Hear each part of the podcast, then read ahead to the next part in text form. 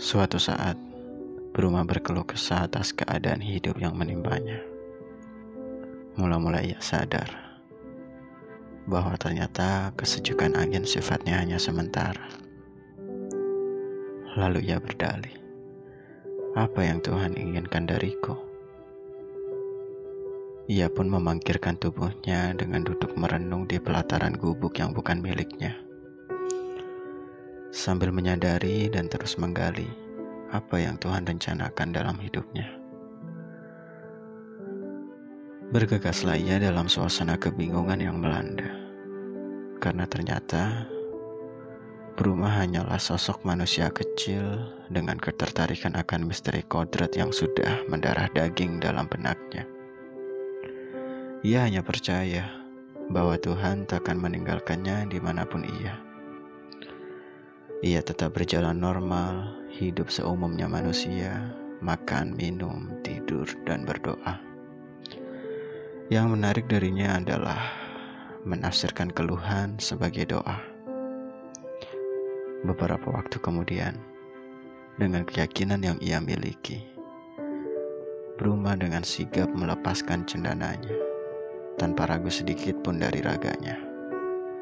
Mulailah ia bergumul dengan Sati dan Sura.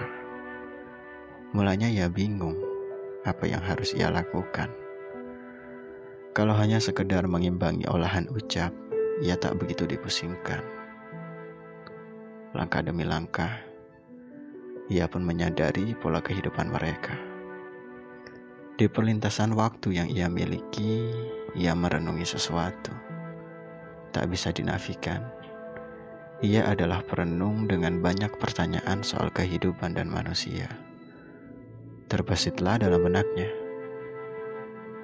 Apa memang Tuhan sengaja menempatkanku dalam kumpulan sati dan sura? Apa begini cara Tuhan menyadarkanku tentang porsi? Apa Tuhan bermaksud membebaskanku dari tempurung?